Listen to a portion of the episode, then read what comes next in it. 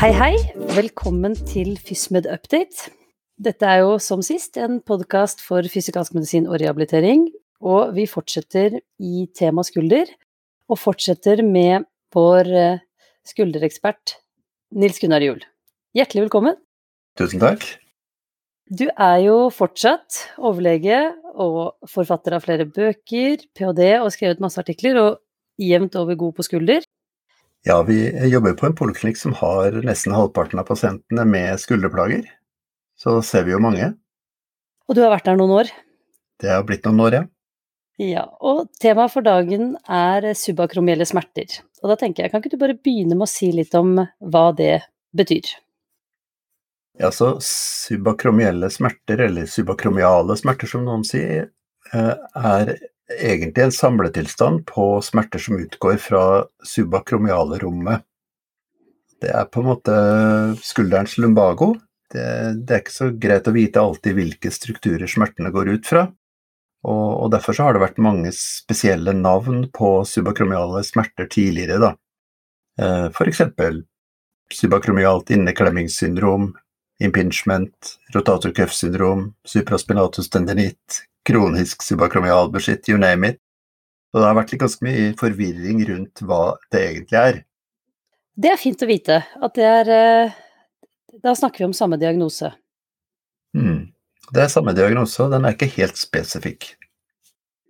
Nei. Og hvor kommer dette fra? Så Subakromialrommet inneholder jo mange forskjellige strukturer uh, som har smerte, smerteførende nerver, og som kan påvirkes på ulike måter. Så uh, Derfor så sier vi at smertene kan komme fra rotatorcuffen, senene, periost, kanskje biceps, lange hode, og slimposene under subakromialtaket, da, som, som er akromion. Ja, det er rett og slett de strukturene vi finner under skuldertaket, ned Mm. mot overarmsbeinet. Mm. Og hvem, eh, hvem er det som får dette her, da?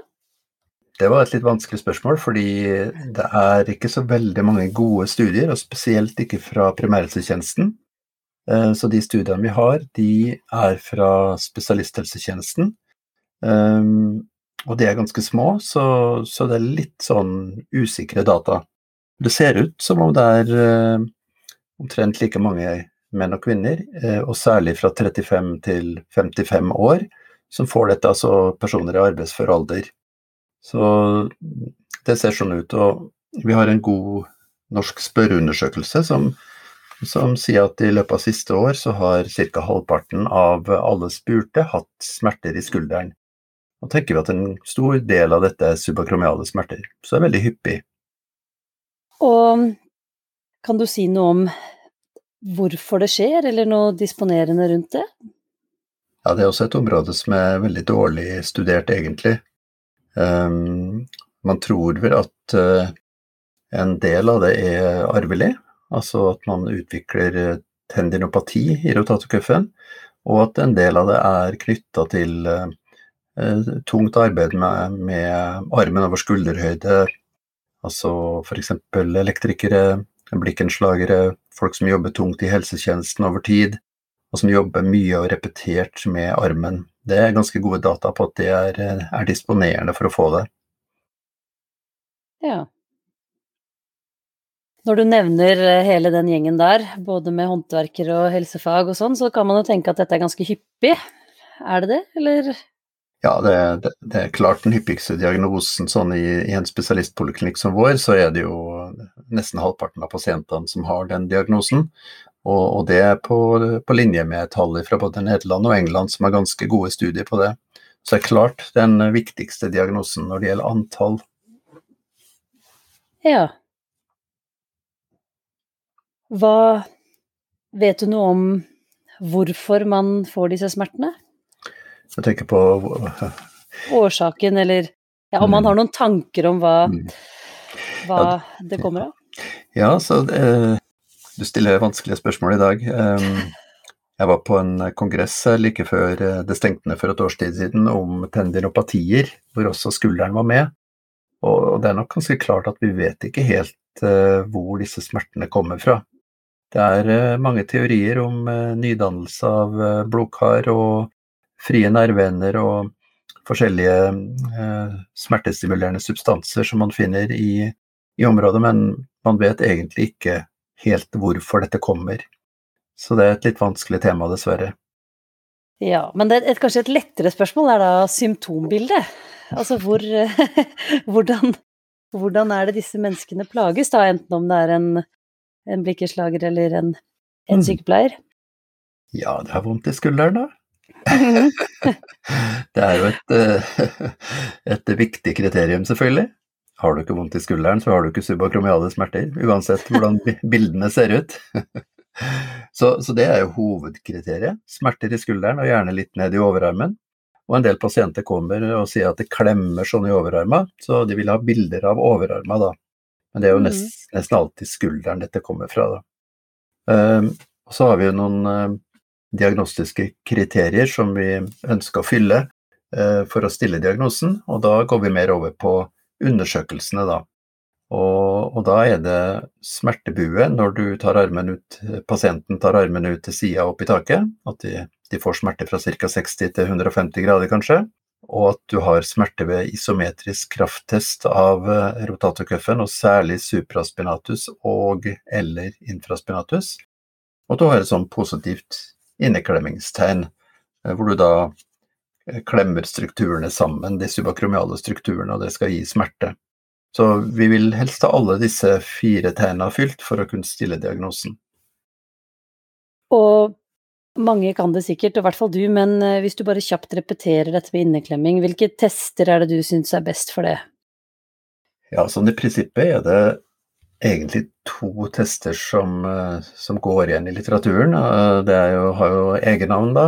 Hawkins test, som som er kanskje mest brukt, eh, hvor du tar armene opp i 90 grader foran kroppen, og så undersøkeren løfter armene til pasienten 90 grader foran kroppen, og så innadroterer du slik at tuberculum maius kommer inn under subakromialtaket og klemmer på strukturene der. Og den andre testen heter Ners test, og da, da, tar du hele armen strakt og, og innadrotere den, og så løfter du den opp over skulderhøyden. Og dette skal utløse typiske smerter da, som pasienten kjenner igjen. Og det er inneklemmingstestene vi bruker. Og det er hipp som opp hvem av dem du tar? Ja, det viktigste er at du blir kjent med og god, god til å utføre testen. Det, det, tror jeg er det absolutt viktigste. Jeg foretrekker Hawkins test, men den kan være litt vanskelig å utføre for noen, så det gjelder å velge sin metode. Ja. Men eh, hvis vi skal gjøre mer enn hva vi kan undersøke, jeg tenker på bildediagnostikk, hva, hva vil du anbefale da? Det hadde jo vært deilig da, å ta et bilde og se den subakromiale smerten der. Eh, så ja. Det er mange som har prøvd på det. Men det er, gir veldig lite diagnostisk tilleggsverdi. Så bildediagnostikk skal vi egentlig helst ikke bruke. Fordi eh, når pasientene kommer opp i 50-åra, som mange av disse her er, så er det veldig mange tilleggsfunn på MR-bilder særlig, og også på ultralyd, som kan eh, lede oppmerksomheten bort fra denne diagnosen. Det kan være AC-leddsartrose, det kan være en liten partiell ruptur i supraspinatus, det kan være litt væske i en busha, og så begynner man å gjøre feilslutninger og, og gi pasienten feil behandling. Så bildediagnostikk skal man helst ikke lene seg på, men skal helst lene seg på klinisk diagnostikk. Det er godt å høre. Det er godt å høre, for de MR-beskrivelsene de er vanskelig å tolke. ja, det er, ja, det er dessverre vanskelig av og til, altså. Men da har vi snakket litt om hvem og hva og hvorfor, og så er vi da over på behandling. Hva, som du sier, ryggen, altså skulderens lumbago, så dette bør vi jo kunne noe om. Hva, hva skal vi anbefale, og hva skal vi gjøre? Hmm. Vi skal jo anbefale det beste, selvfølgelig. og det fins en rekke behandlinger som, eh, som, er prøvd ut vitenskapelig. Og så er det jo litt sånn at uh, hvis du er snekker, så vil du gjerne hamre, bruke hammeren. Og så, så er det sånn at uh, de ulike gruppene legger seg til å bruke uh, egen type behandling som kanskje av og til ikke er helt bra, da. Um, jeg tror det er veldig viktig å også tenke på hvilken pasientgruppe du behandler. For i, i primærhelsetjenesten så er det vist at de som kommer med skuldersmerter første gang, altså 50% av de personene som kommer, de trenger bare én konsultasjon. Og de kommer ikke tilbake i helsetjenesten på ti år, er det faktisk vist fra en flott studie fra Nederland. Slik at skuldersmerter i starten har en tendens til å gå over uten at du gjør annet enn å trygge pasienten, kanskje gi noe smertestillende og gi noen råd, og så, og så går dette over av seg sjøl. Så det er jo til stor forskjell fra spesialisthelsetjenesten, hvor kanskje smerten har vart i seks måneder og plager pasienten i forhold til arbeid, og da må man bruke kanskje andre og litt sterkere midler, da. Og som eh, fysikalsk medisiner, så er det jo kanskje den gruppen du ser, og hva, hva gjør du med de da? Ja, så hvis du skal gjøre det enkelt, eh, det liker jeg veldig godt da, så skal vi, vi fysikalskmedisinere, vi vi, vi prøver først å dempe pasientens smerte, da, eller aller først avklare hva det er som feiler pasienten, og forklare det godt. Så prøver vi å dempe pasientens smerte på en eller annen måte. Og så prøver vi å normalisere funksjonen. Det kan bli gjort bare ved å dempe smerten, men av og til må vi gjøre noen øvelser.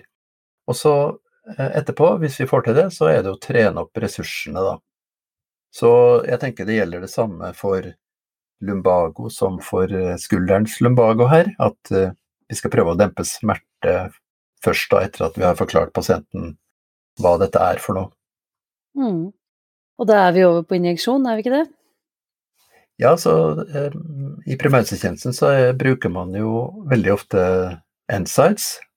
Og det er gjort forskning på effekten av NSIDES, og det, det viser en, en uh, liten bedring enn placebo de første to til tre ukene. Så det kan være nyttig eh, når vi vet hvor eh, gunstig forløp eh, skuldersmerter har i primærhelsetjenesten, å gi Insight som smertestillende. Men kanskje ikke gjenta det så mange ganger, da. Det har jo ganske mye bivirkninger ofte. Så det anbefales at man gir en NSAID-kur på kanskje en uke i starten, hvis, hvis smertene er sterke nok til det, da. I vår poliklinikk så bruker vi veldig lite Ensides, da er det over på injeksjoner, som er atskillig kraftigere når det gjelder smertereduksjon, og som har god evidens i opptil åtte uker ved subakromiale smerter. Og det, det, bruker vi hvis pasienten har så mye smerter at den ikke kan bruke armen sin på en funksjonell måte, da, og, og trening hindres av det. Og sånn som vi har sagt om før, da, da går du fra bakre tilgang uten ultralyd, og enkel prosedyre som, eh, som, er mm. trygg å utføre. Ja, det er uh, egentlig en veldig grei prosedyre, og som du er inne på, så er det jo gjort noen studier som har sett på om bruk av ultralyd gir tilleggseffekt, og det, det gjør det jo ikke for denne tilstanden. Da, da bruker vi 20 mg lederspan f.eks., eller eh, triamcinolon, en annen type av det, og så blander i litt lokalbedøvelse, og så stikker inn mot eh, skuldertaket bakfra. Mm. Det er fint for alle oss som ikke kan ultralyd. ja, det er veldig godt å vite det. ja. Men eh, hva med, du nevnte det jo med å prøve å normalisere bevegelsen, men hva tenker du om fysioterapi? Ja, kanskje aller først skal jeg si bitte litt om hva du kan forvente ved en injeksjon, fordi pasientene kommer jo, og så når vi forsker på dem, så prøver vi også å score både smerte og funksjon. Da bruker vi jo 0 til 100-skalaer, da. Og da, da, kommer pasientene på vår poliklinikk, de har gjerne en funksjonsscore på ca. 55 f.eks. Og en studie vi gjorde da, så fikk de en subakromial injeksjon, og da gikk smertene ned til ca. 30 eh, i løpet av to uker, og holdt seg der videre i fire uker til. Så, så fra å ligge på 50 som er ganske plagsomt, og som ofte forstyrrer nattesøvnen, og gå ned til 30, som er tolerabelt for de fleste, det er en ganske god behandlingseffekt av det her, da. Så jeg tenker jo at hvis det er eh, veldig plagsomme smerter, så er det grunnlag for å forsøke én sånn injeksjon. Og så spør, du om trening, og det er jo eh, eller veileda fysioterapi, veiledet trening, og det er jo brukt veldig mye for skulderplager. Og det er også forska ganske mye på, og det kommer til stadighet oppsummerte oversikter over det.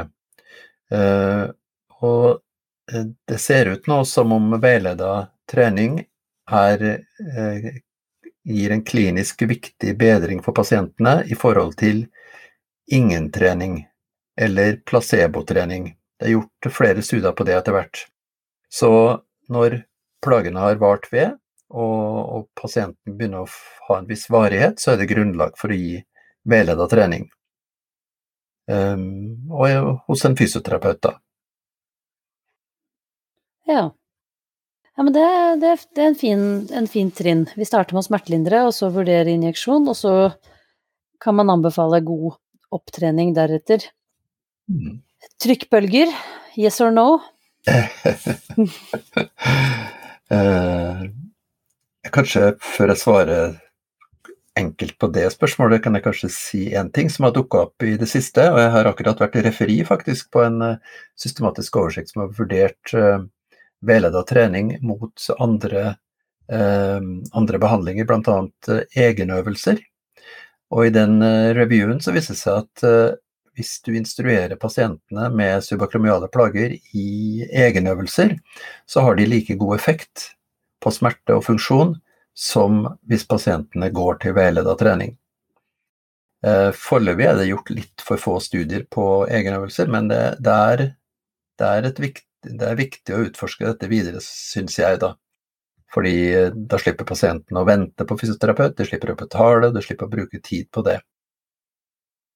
Og kanskje compliancen er bedre hvis man da kan det selv og gjør det selv flere ganger i uka versus en time her og en time der? Mm. Jeg tenker at det er god grunn til å, til å utforske det videre, i hvert fall. Mm. Så, og så var det, så, så, så var det trykkbølgebehandling, da, som har vært veldig populært i Norge over mange år, eh, og som brukes en god del fortsatt. Og, og, der er det også gjort mange oversiktsartikler etter hvert på trykkbølgebehandling. Og det viste seg at hvis du ikke har kalk i sena i, i rotatokuffen, altså kalk over 5 millimeter, så har det ikke noe, ikke noe effekt med, eh, med, trykkbølgebehandling. Men det er også en del studier som, som viser klinisk viktig bedring ved trykkbølgebehandling hvis du har kalk i skulderen. Så jeg tenker hvis du gjør en tilnærming til pasienten, prøver å dempe smerte og trene og det ikke hjelper, og du tar et bilde etter hvert, finner kalk, så kan det være aktuelt å forsøke noen behandlinger, tre-fire behandlinger med trykkbølge. Ja, og da Det er jo en litt vanskelig tanke med det om at eh, vi i stad sa at egentlig så trengs ikke supplerende bildediagnostikk, men da tenker jeg kanskje at man kan tenke at det øyeblikket dette blir stående og gående og ikke blir bedre, så kan man vurdere, vurdere en MR eller et ultralyd bare for å nettopp se til kalken. Mm. Kan det være en tanke? Det kan være en tanke, og, og, det er klart av og til så hvis ikke det går som du har tenkt, så kan det jo være andre diagnoser ja. eh, som du har oversett, eller det kan være betydelige forandringer av degenerativ type i skulderen. Det kan være glenomorales artrose, eller det kan være store forandringer i AC-leddet. Og en studie vi gjorde eh, akkurat på trykkbølgebehandling, da så vi på verdien av eh, billeddiagnostikk og fant at jo flere forandringer som var på MR-bilder, altså både i sener og i leddene, jo dårligere var prognosen for pasientene, ved konservativ behandling. Så jeg tenker hvis ikke vanlig behandling fører frem etter tre til fire måneder, så er det grunnlag for å gjøre eh, ytterligere diagnostikk, da. Ja. Ja, men det er en fin tidslinje. En mm. fin, ja. Eh, til slutt, kirurgi. Kirurgi, ja. Ja. Det, altså det har jo vært studert ganske mye, det også. Det har vært gjort eh, noen flotte sammenlignende studier eh, mellom subakromial kirurgi, der hvor du går inn og gjør plassforholdene bedre for rotatorcuffen. Du tar bort slimposen, og du tar bort litt av AC-leddet og litt av akromion, slik at det skal bli bedre plass. Og så har jeg sammenligna det mot uh, trening, da, veileda trening. Og det er nå fire studier som er godt utført, og som ikke viser noen forskjell på dette eh, verken på kort sikt eller lang sikt. Og kanskje den aller beste studien som er gjort i Finland av et ortopedisk miljø, de har fulgt pasienten i ti år, og de finner ja. altså ingen forskjell eh, på noen av kontrolltidspunktene eh, mellom disse to gruppene, da. Det er interessant. Ja, det er interessant, og det, det er jo tatt opp i eh, så Det er skrevet en stor oversiktsartikkel i eh, BMJ om det her, og de har laga en eh, klinisk anbefaling, og den kliniske anbefalingen er sterkt imot kirurgi ved subakromiale smerter. Det var publisert i fjor, da. Eller to år siden det er blitt nå, faktisk. Så man skal absolutt være tilbakeholden med kirurgi hvis ikke det er eh, spesielle grunner til det. Det skal vi huske. Ja, nei, men da har vi vært gjennom eh, mye av, mye av behandlingen. Eh, hvis du tenker som fastlege, hva skal de mm. gjøre? Mm. De som ikke sitter i, sitter i spesialisthelsetjenesten? Ja, altså det, Pasientene kommer jo dit. Um, og det er ganske mange skulderpasienter i primærhelsetjenesten.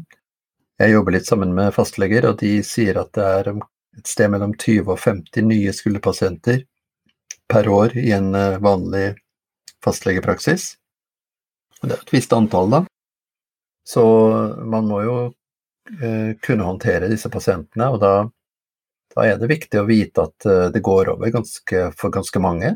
De kommer og bekymrer seg kanskje litt for skulderen. De kommer og har vondt fordi de har ligget galt på den, eller malt et gjerde og det var ti år siden sist, liksom.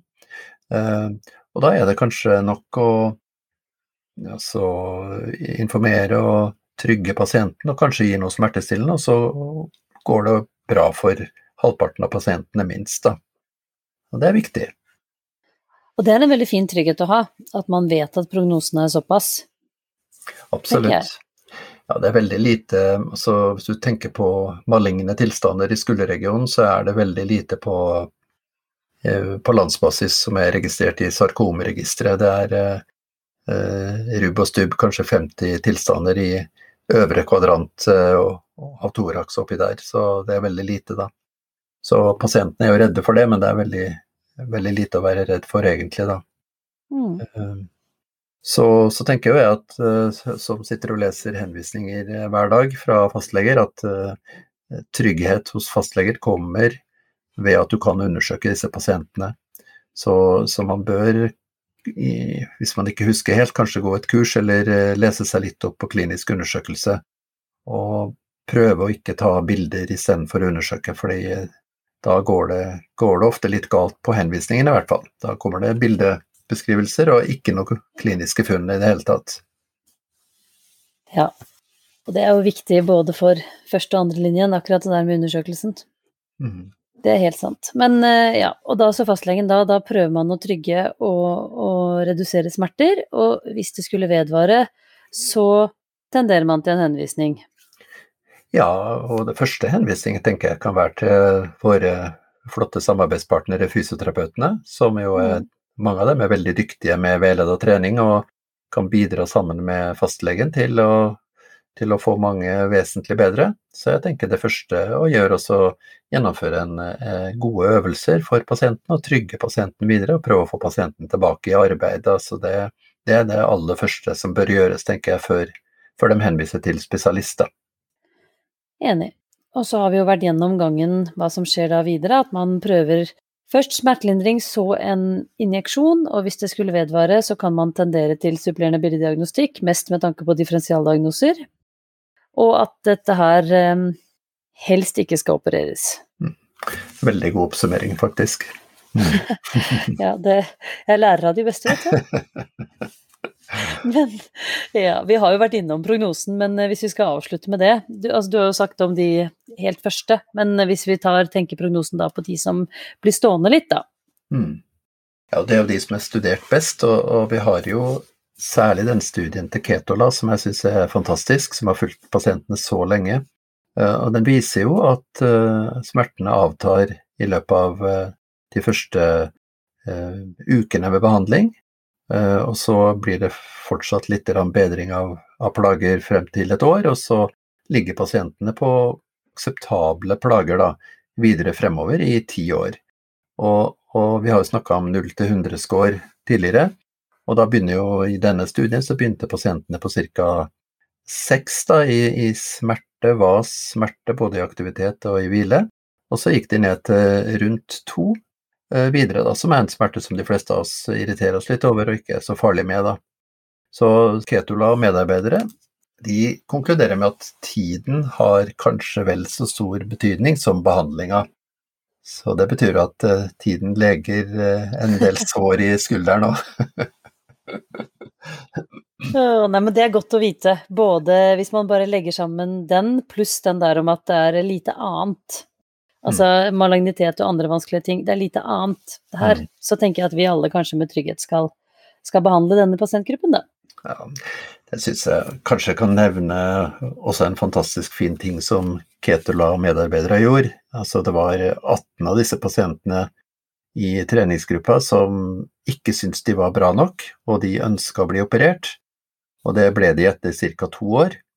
Og da på femårskontrollen så var de altså signifikant og klinisk viktig dårligere enn eh, en de som hadde Eh, vanlig treningsbehandling fra tidligere.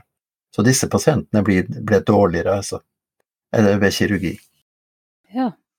Det, ja, det er viktig å huske. Um, til slutt, differensialdiagnoser. Vi har jo vært litt innpå det, men uh, hva er det man skal bare prøve å ja. rulle ut? Ja, Det som jeg kanskje ser uh, hyppigst, er at det blir oversett frozen shoulder. Ja. Uh, det er jo i samme aldersgruppe omtrent.